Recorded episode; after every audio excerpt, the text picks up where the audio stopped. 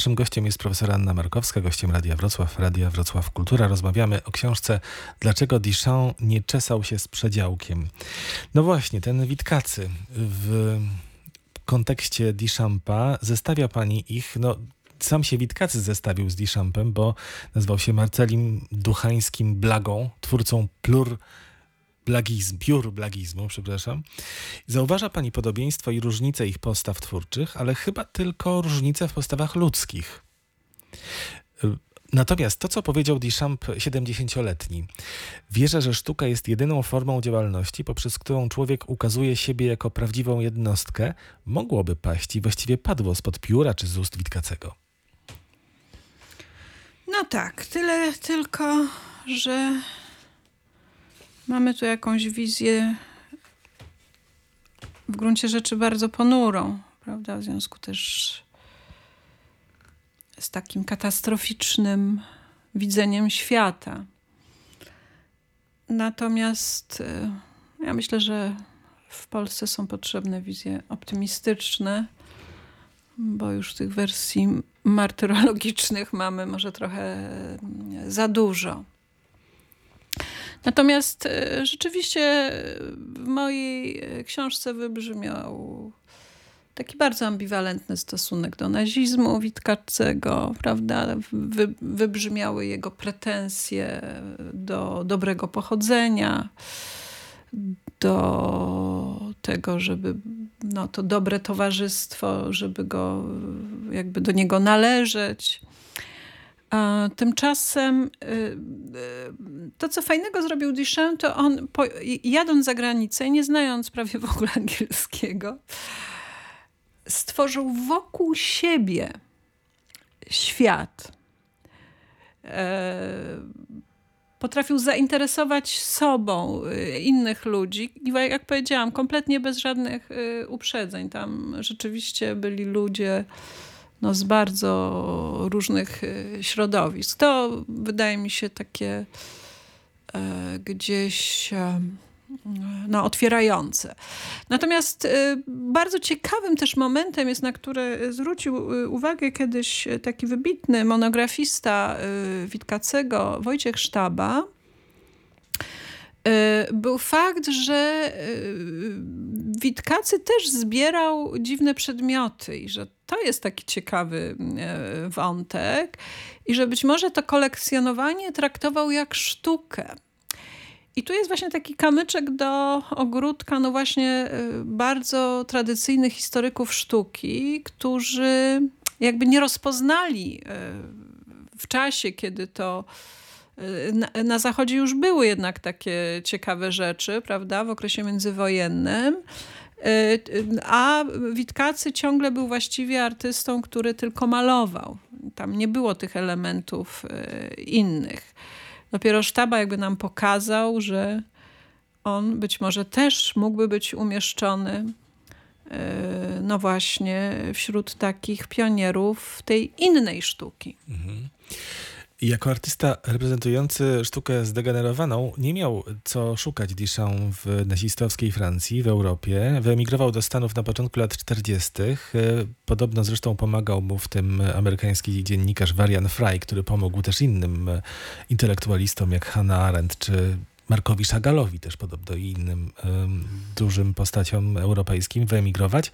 I ta emigracja okazała się dla Duchampa właśnie takim wyzwoleniem artystycznym chyba, takim tak. jeszcze większym niż te europejskie. To znaczy on uciekał zawsze przed wojską, wojną i tak dalej. Naprawdę nie chciał służyć w armii.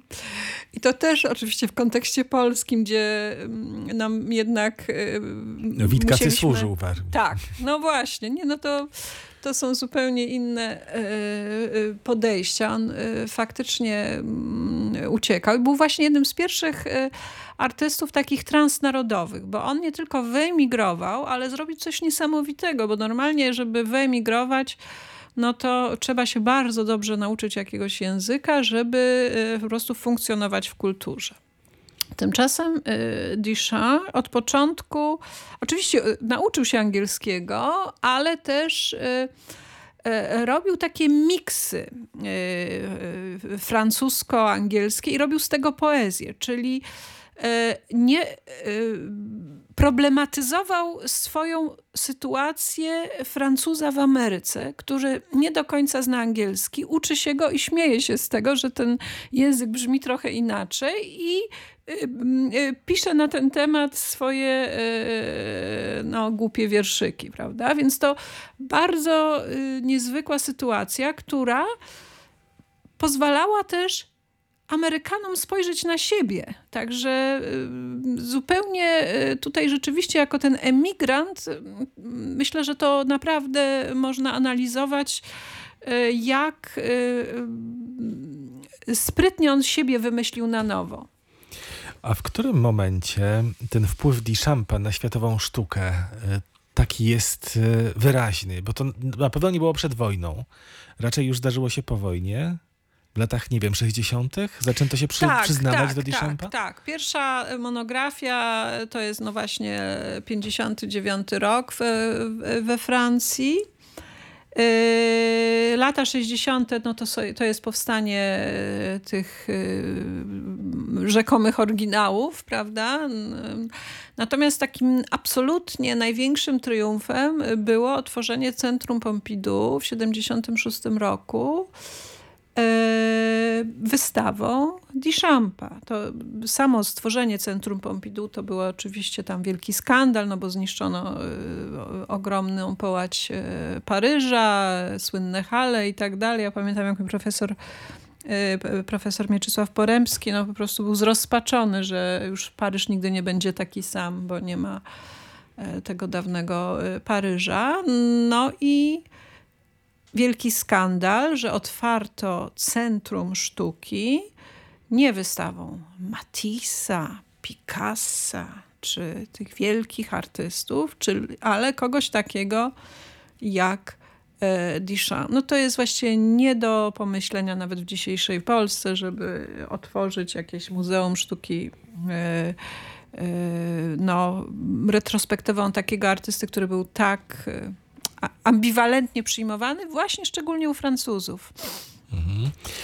Ale też na stronie 325 pisze pani o takim symbolicznym geście młodych artystów, nie wiem czy dobrze wymówię, Eiloda Arroyo i Rekal Catiego, mhm. którzy w paryskiej galerii wystawili wspólnie wykonane obrazy Żyć i pozwolić umrzeć albo Tragiczny koniec Marcela, Marcela Duchampa. On jeszcze wtedy żył. Tak. Chodziło o zanegowanie mistrza, jego kultu, bo czczenie Duchampa poszło za daleko, gdyż zdaniem młodych malarzy, to jest cytat, cytat z pani profesor, doprowadziło do paraliżu wszelkiej twórczości.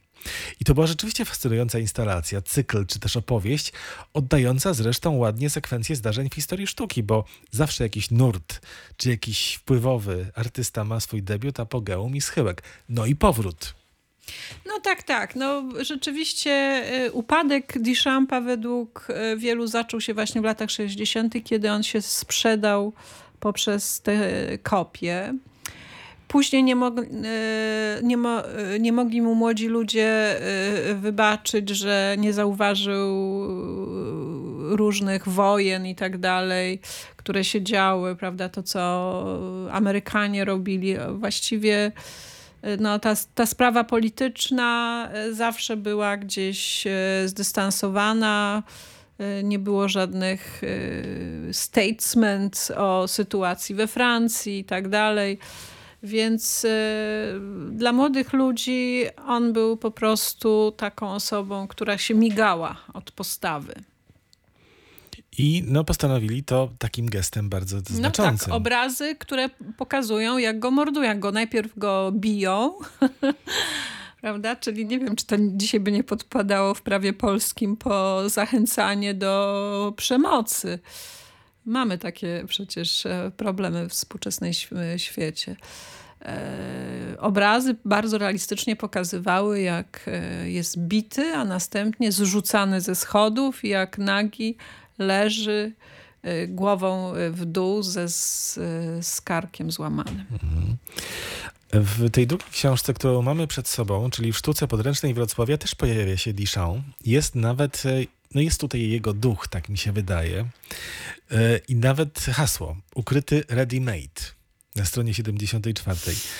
Ja bym tu zacytował. W koncepcji latent ready-made Marcela Duchampa mieszczą się zwykłe przedmioty, które nie zostały, e, zwykle przedmioty, czy zwykłe, które nie zostały jeszcze wybrane przez artystę, gdyż ten nie znalazł dla nich właściwego tytułu lub inskrypcji. To ciągle może się jednak zdarzyć, dlatego na świat, a szczególnie na Wrocław, warto spojrzeć jak na dziwną kolekcję ukrytych przedmiotów gotowych. Pani profesor, dlaczego szczególnie na Wrocław?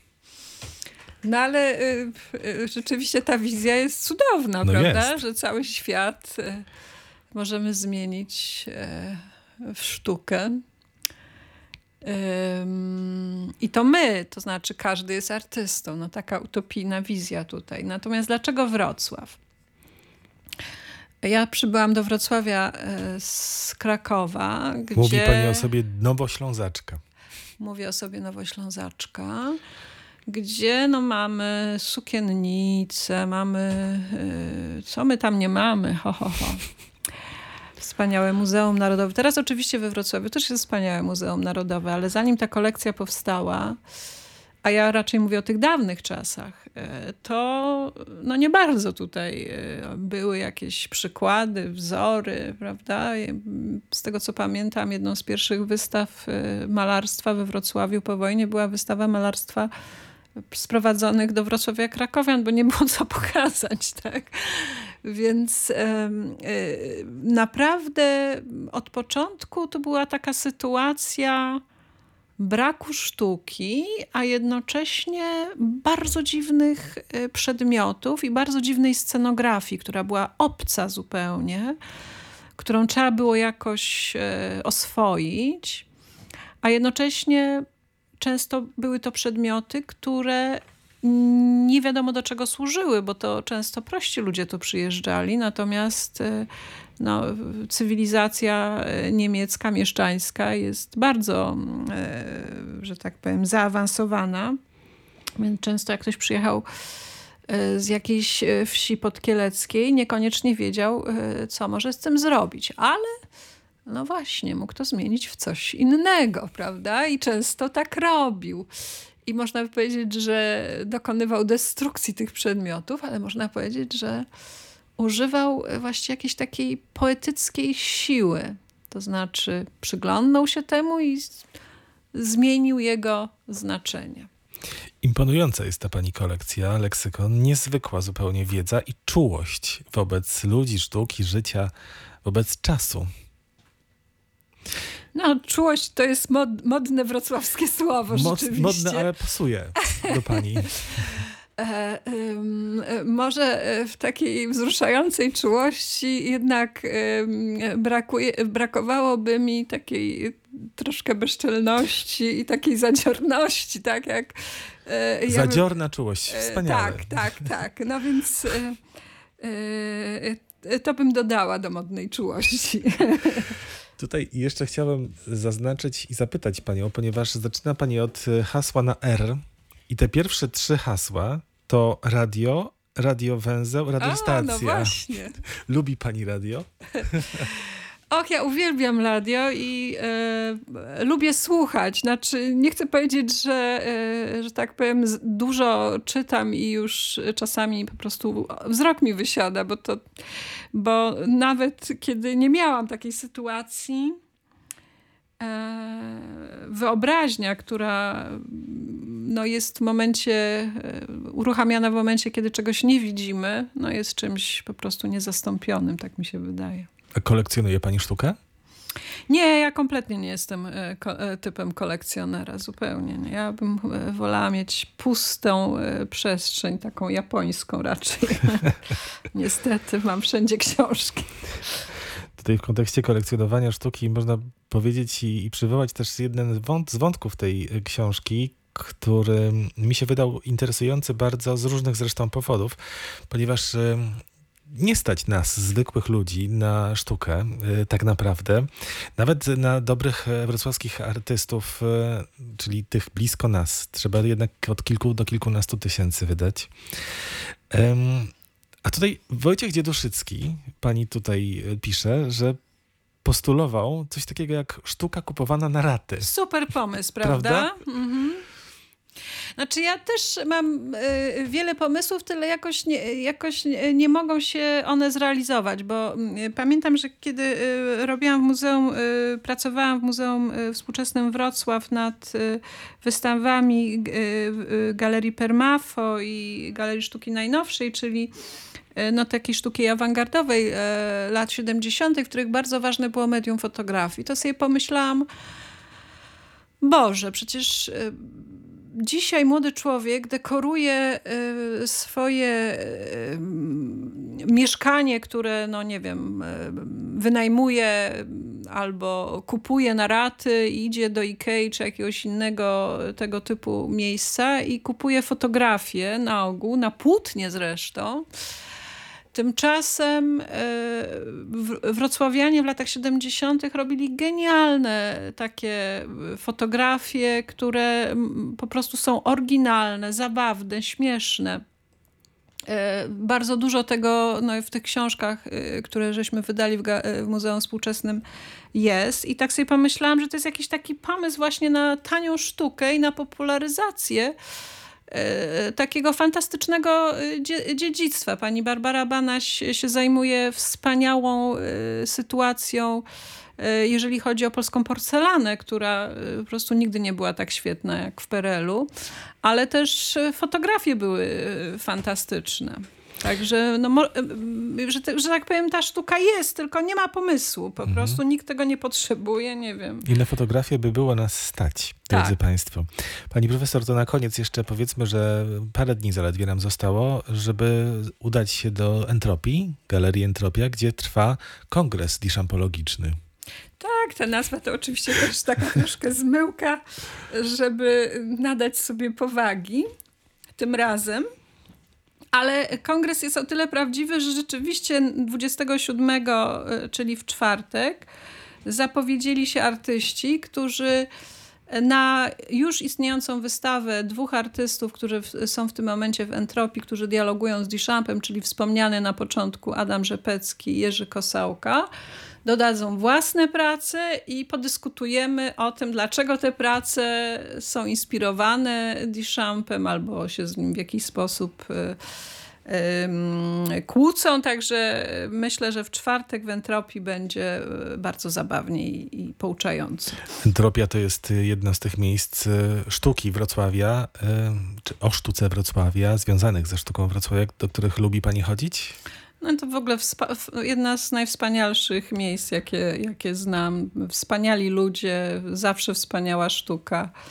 E, wszystko bez e, też jakiegoś nadęcia, także nie mam słów wdzięczności, że mnie przygarnęli z moim projektem. W dodatku to jest taka galeria, w której wystawy nie trwają długo. Tak, tak. Więc zawsze tam coś świeżego jest. Absolutnie, wspaniałe miejsce. A oprócz entropii? Y, co ja lubię we Wrocławiu. Dokąd pani najchętniej chodzi? Ja siedzę na miejscu i piszę cały czas. Te książki wyszły y, rok po roku, tak? Także no, moje życie y, to niestety nie polega na tym, że ja się udzielam towarzysko i chodzę od wernisażu do wernisażu. No nie powiedziałbym, że niestety, kiedy mam takie książki na półce. To naprawdę duże, wielkie coś. Pani profesor, bardzo dziękuję za tę ja rozmowę. Ja również bardzo dziękuję. I za te książki. Dlaczego Duchamp nie czesał się z przedziałkiem oraz Sztuka podręczna Wrocławia. To tylko mała część dorobku pani profesor Anny Markowskiej, która mam nadzieję za rok nas uraczy kolejną książką. Piszę o rewolucji, ale to co najmniej z dwa lata potrwa. Aha, no to mamy na co czekać. dziękuję bardzo. Dziękuję.